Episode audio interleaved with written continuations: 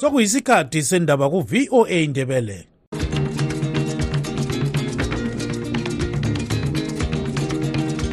amatshono zihlobo siyalamukela kuhlelo lwethu lwezindaba eziphathelane lezimbabwe.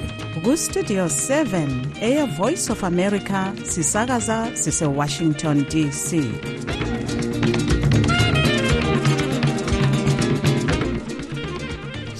siyahlangana kwezakusihlwa mthwakazi omuhle kustudio 7 ngolwesibili mhlaka 22 kuzibandlela 2024 igama lami nguntungamili nkomo.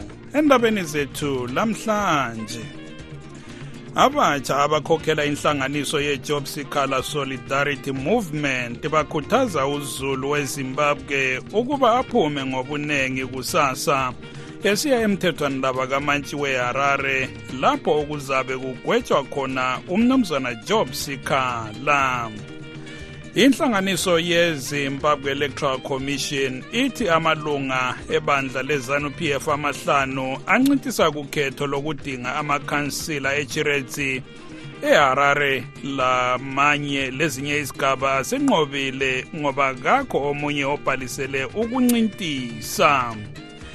Inhlanganiso ebona ngezamabhizimusi abasakhulayo ihonzi innovator esekelwa isigodlo someli wemelika ezimbabwe inceda amabhizimusi abatsha asacathulayo ukuze azithuthukise loba sisibi kakhulu isibi somnotho ezimbabwe. Zonke lezi ndaba lezinye ziyalandela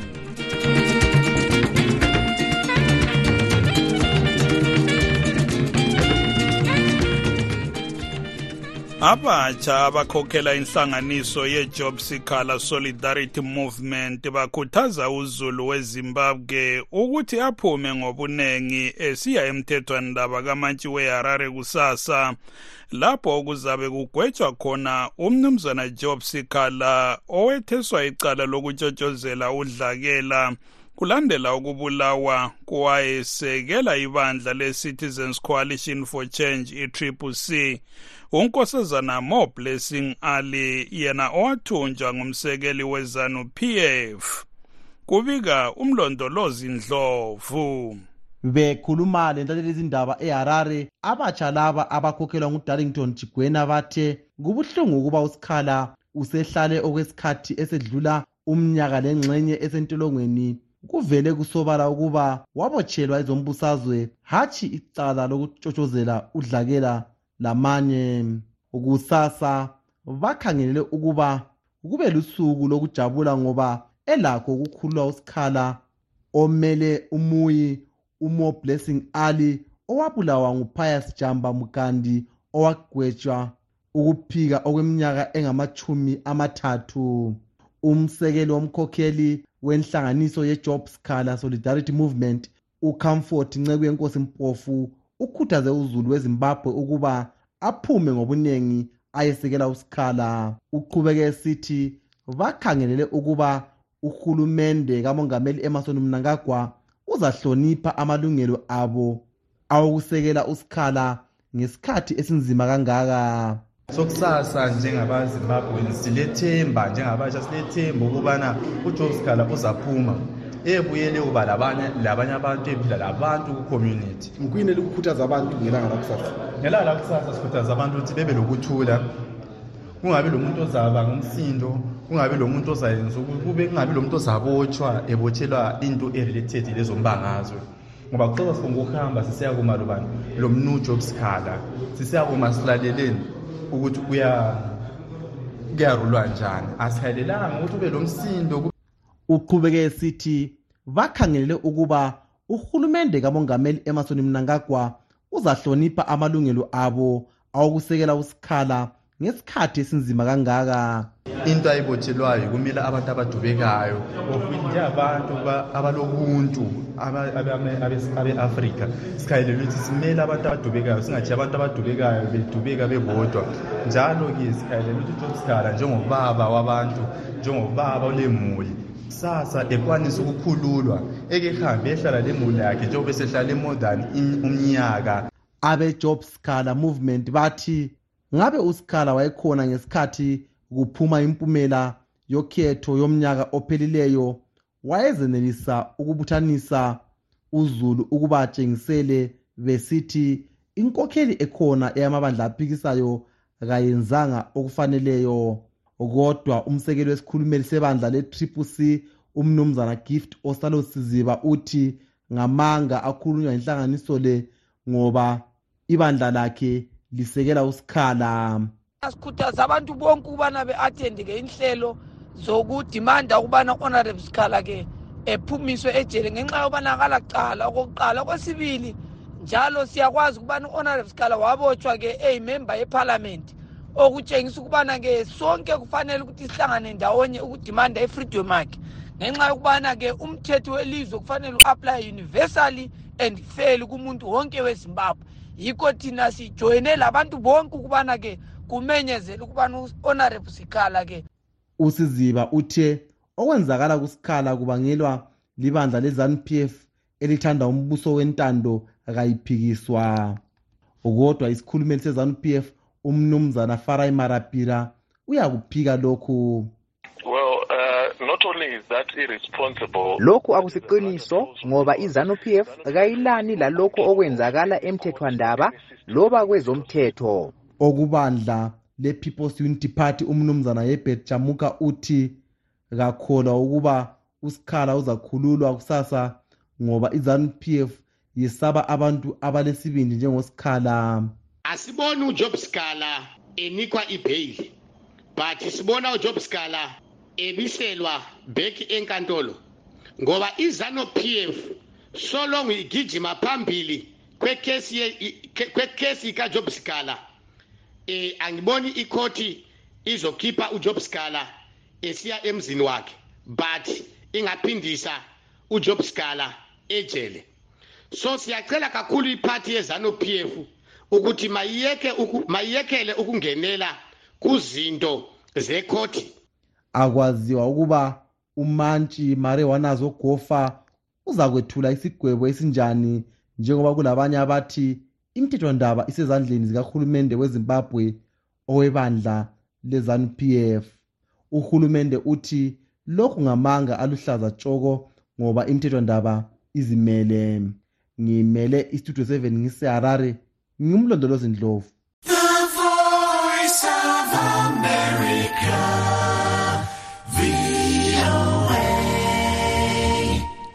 Ikhomishini ebona ngezokhetho izimbabwe electoral commission ithi amalunga ebandla lezanu-p f amahlanu ancintisa kukhetho lokudinga amakhansila echirezi laseharare asenqobile ngoba akekho omunye obhalisele ukuncintisana lawo kulezi sigaba kudale le-nomination court.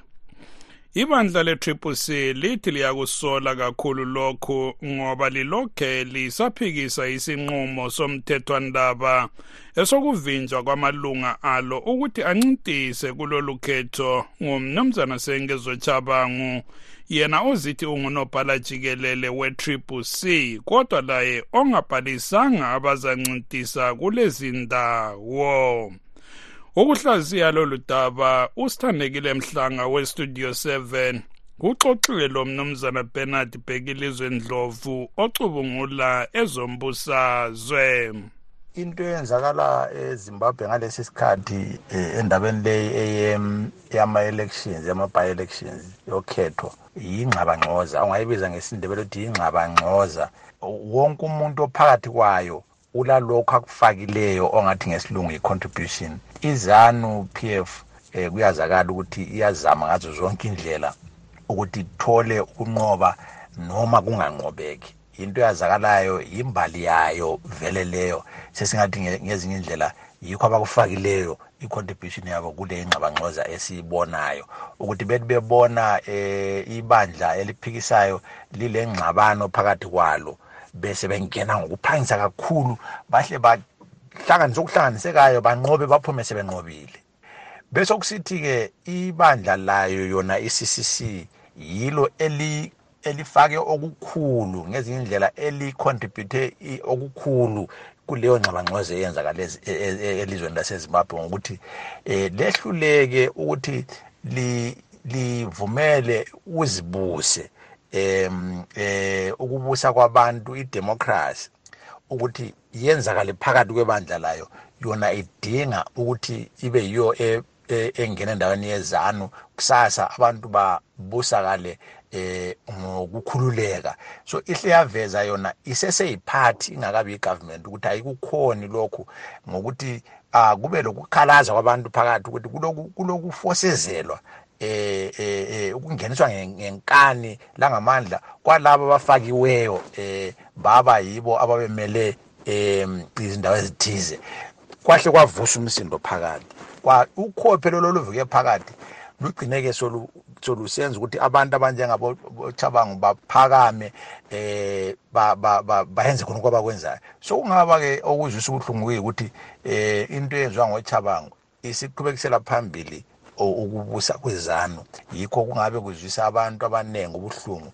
Kodwa-ke ma uzama ukuthi bazwise labo uzazibuza ukuthi um okungayisikufaye kuphi kubo um bona ochabanga okuyinto kumele ukuthi i-ccc ma ifuna ukuthi ibe lekusasa izibuze khona ukuthi kambe ukuthi uzufikisa abantu ebangeni lokuthi bathi bona okungayisikufaye kuphi um bagcine bethi lokubuswa izanu yikufa ukubuswa yi-ccc yikufa bathi ah ngcono nje vele kwenzakale khona okwenzakalayo lathi singene sidilize uyabona ma besisakhula eh abanye babengafuni ukudlala laba bekuvalela phandle bese besakha izindlu zabo bakhe babumba inkomo zabo lezindlu lani lani lemota wena ubuthi ubuya ngenxa ukuthi ulethuwa lakhona ufike udilize zonke lezi zinto. Uthi ah ngcono singadlali sonke. Yikho kokwenzakala ezimbabwe yinkubiza ngithi ingxabangxoza umnumzana Bernard Beki lizweni Ndlovu ucubungula ezombusazwe njalo ubexoxa lo sithandekile mhlanga we-studio 7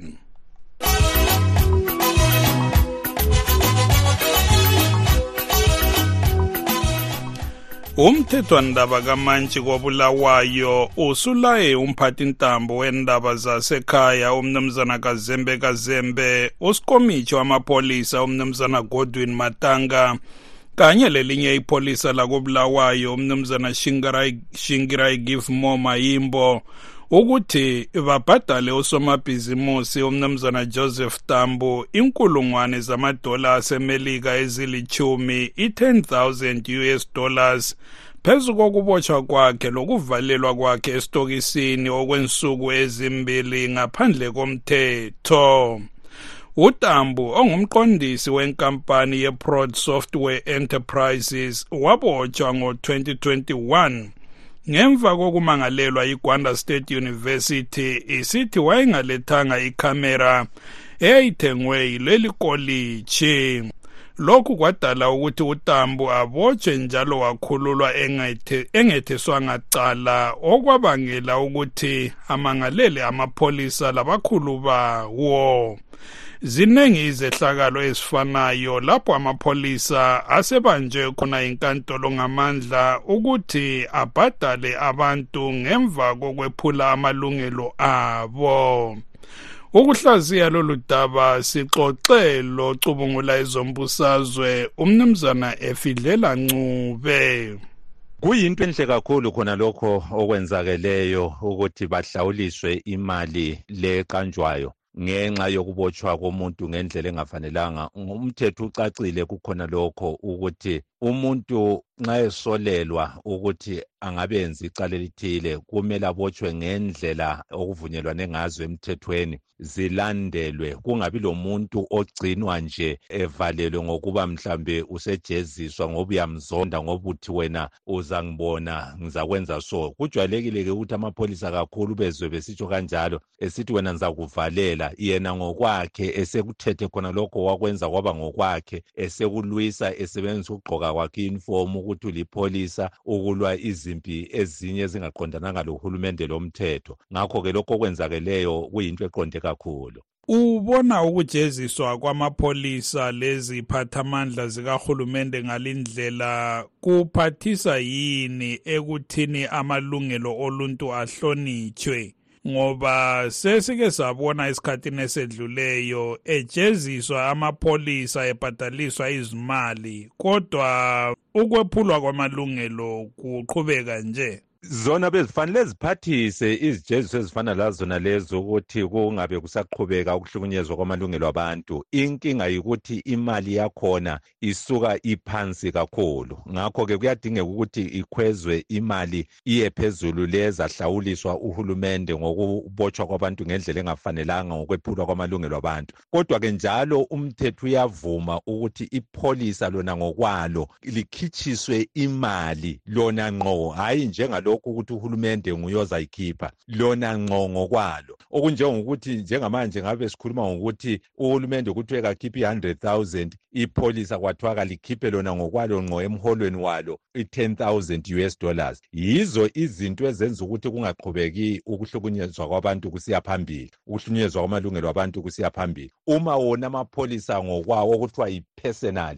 yena kuthiwe kakhiphe i-twenty thousand i-ten thousand babekwazi ukuthi angazavalela umuntu ngendlela engekho emthethweni. Yena ngokwakhe ngqo nguye ozagwetshwa nguye okuzafunakala kuyimali yena kuye ngqo lakuhulumende khona ukuze abantu bazizwe bevikelekile besuthiseka ngokuthi hayi amalungelo ethu ayalondolozwa kuyini okumele kwenziwe? Indlela elula yokuqeda ukuhlunyezwa kwamalungelo abantu yikuthi laba abaphethe ilizwe bakwenze kucaca ukuthi kabafuni amalungelo abantu ahlukunyezwe. Kunjengangekhaya nje umzali yena ngokwakhe uyakwenza kucaca ukuthi abantwana ufuna bahloniphe kumbe bangahloniphi batshontshele abantu kumbe bangatshontsheli abantu zonke lezo zinto ngokuziphatha kwakhe umzali ngalokhu akukhulumayo. Ma ngabe kungavumakali ukuthi abantu amalungelo abahlukunyezwe kuzabonakala ngokuthi kusethulwa izijeziso en emapholiseni emasotsheni kuma-cio noma ngubani ongabe ethwele isikhali. Nxa ngabe sisebenza ngendlela engafanelanga esebenzisa umthetho ngendlela engafanelanga angavalela umuntu ngendlela engafanelanga kumbe ahlukumeze amalungelo akhe abesejeziswa kakhulu. Bazakwazi ukuthi abakhulu abaphethe ilizwe kabakufuni lokho okwenzakalayo abafuni kuhlukunyezwa kwamalungelo abantu. Okwamanje akukacaci kakula meseji ecacileyo ethi hhayi kasifuni kuhlukunyezwa amalungelo abantu. Um yikho kuqhubeka kusiya phambili. Umnumzana efidlela ncube yingcwethi kwezombusazwe.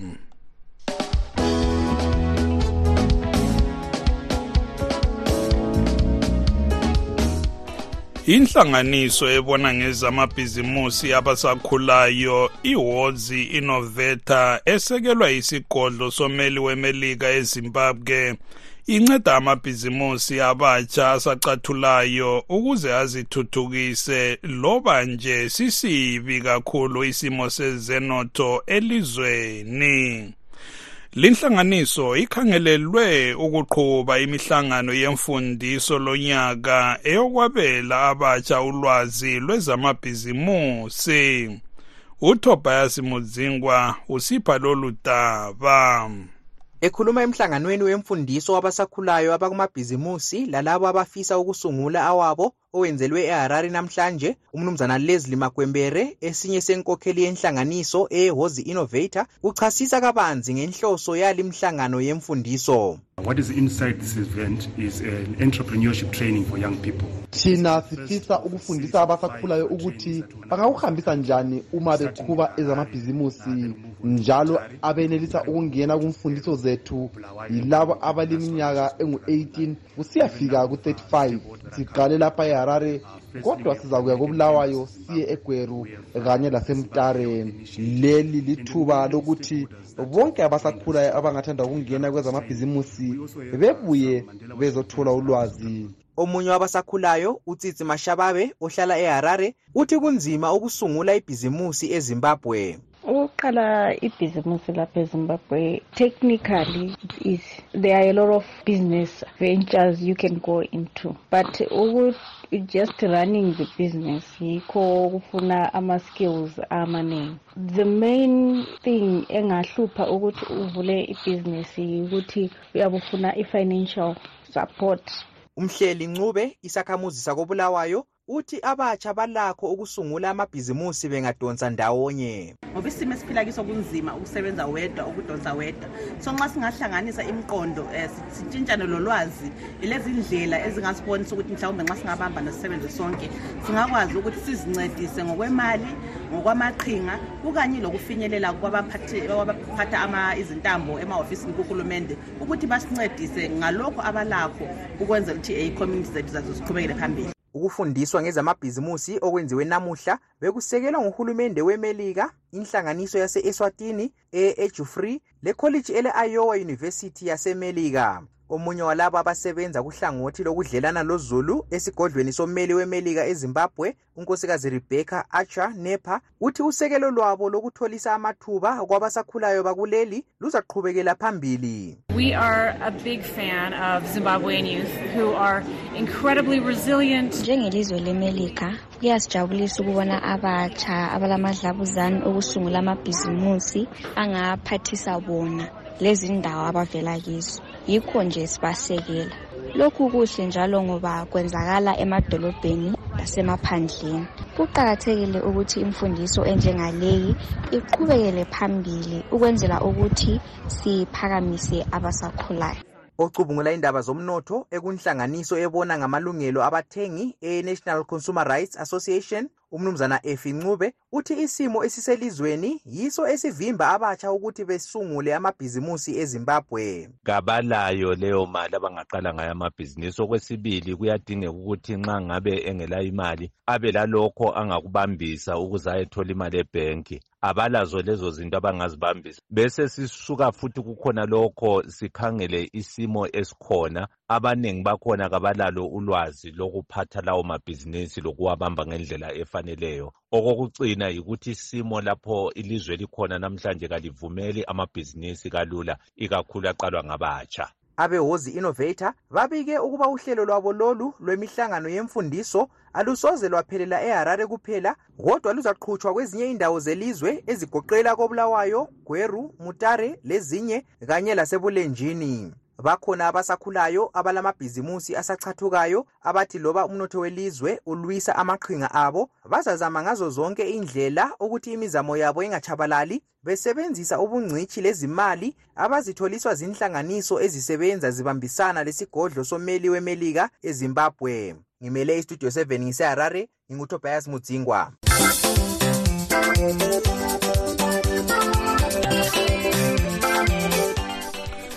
kusigaba sezomnotho siqhubeka sixoxa labantu ezimbabwe ezigabeni ezitshiyeneyo ngababhekane lakho ngesikhathi kukhuphuka intengo yempuphu amafutha okupheka indumba lokunye okubalulekileyo empilweni kazulu.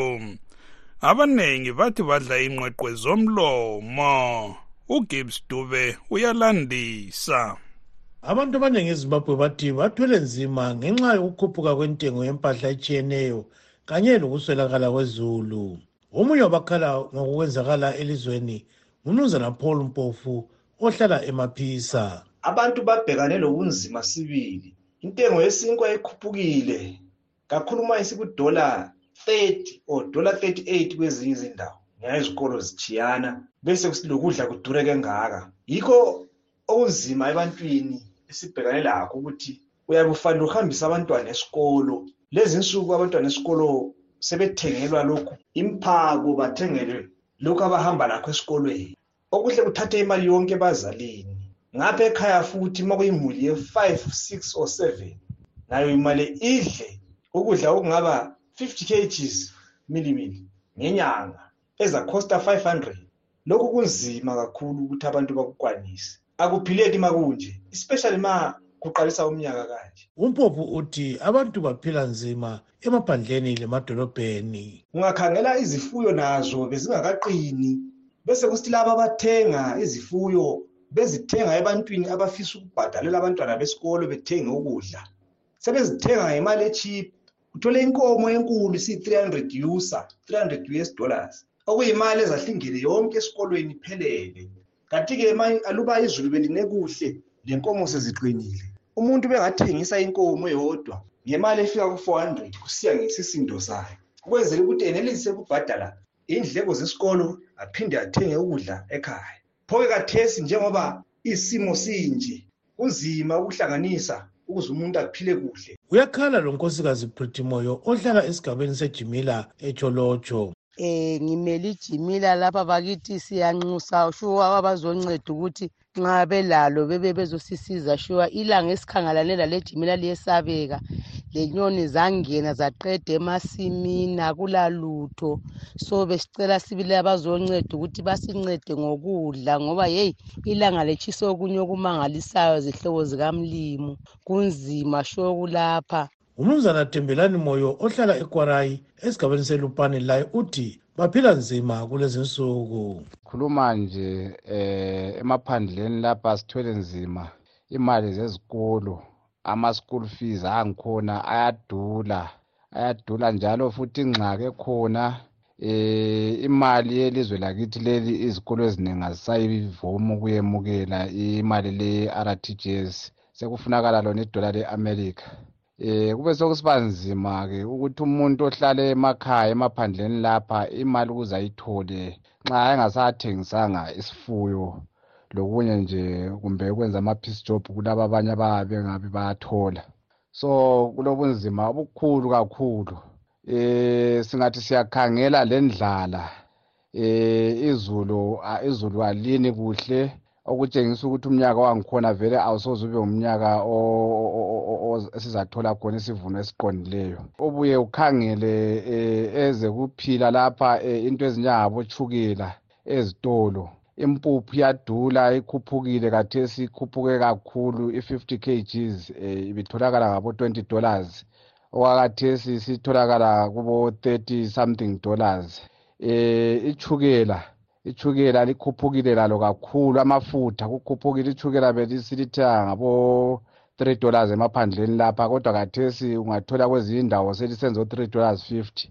So-ke uthi usiyaqathanisa le mpilo esiyiphilayo ekhaya lapha akula msebenzi esiyenzayo. Idola lezimbabwe likukudeka nsuku zonke loba uhulumende esithi uzama ngamandla wonke ukuthi lingapheli amandla njengalokhu kwenzakala ngomnyaka ka-2008 ngimele istudio 7 semaryland ngogibbs dube.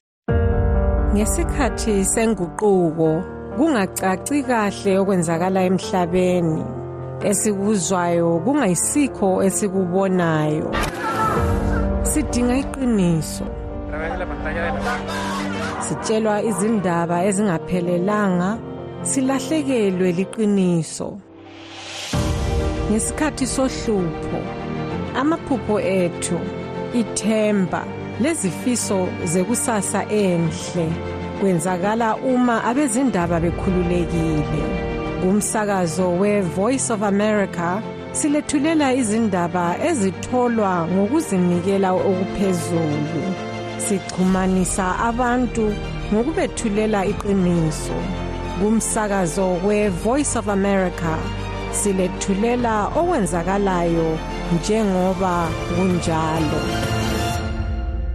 Le yistudio 7 esakaza ezimbabwe lisizwa siphuma ngapha evoice of america ese-washington.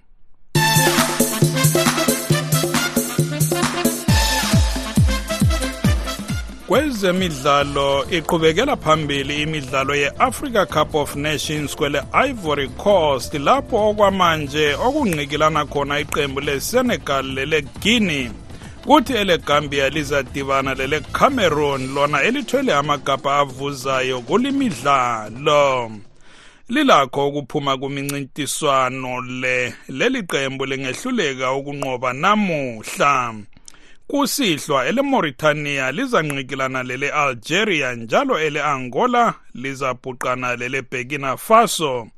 Imi kanje imidlalo ezadlalwa kusasa Namibia versus Mali South Africa versus Tunisia Zambia versus Morocco Tanzania versus DRC amaqembu akhokhela izibaya ezitshiyeneyo abalisa ele-equatorial guinea cape verde senegal angola le mali. Kwanele mthwakazi olivalelisayo nguntungamili nkomo. Lilanga.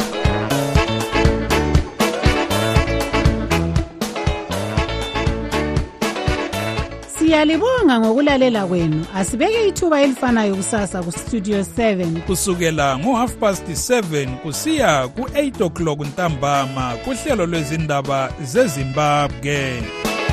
Tinotenda nekuteerera chirongwa chedu. Teererai zvakare mangwana kubva na7 p m kusvika na730 p m. Apo tinokupai nhau muririmi rweshona. Lilani. Murara zvakanaka mhuri yezimbabwe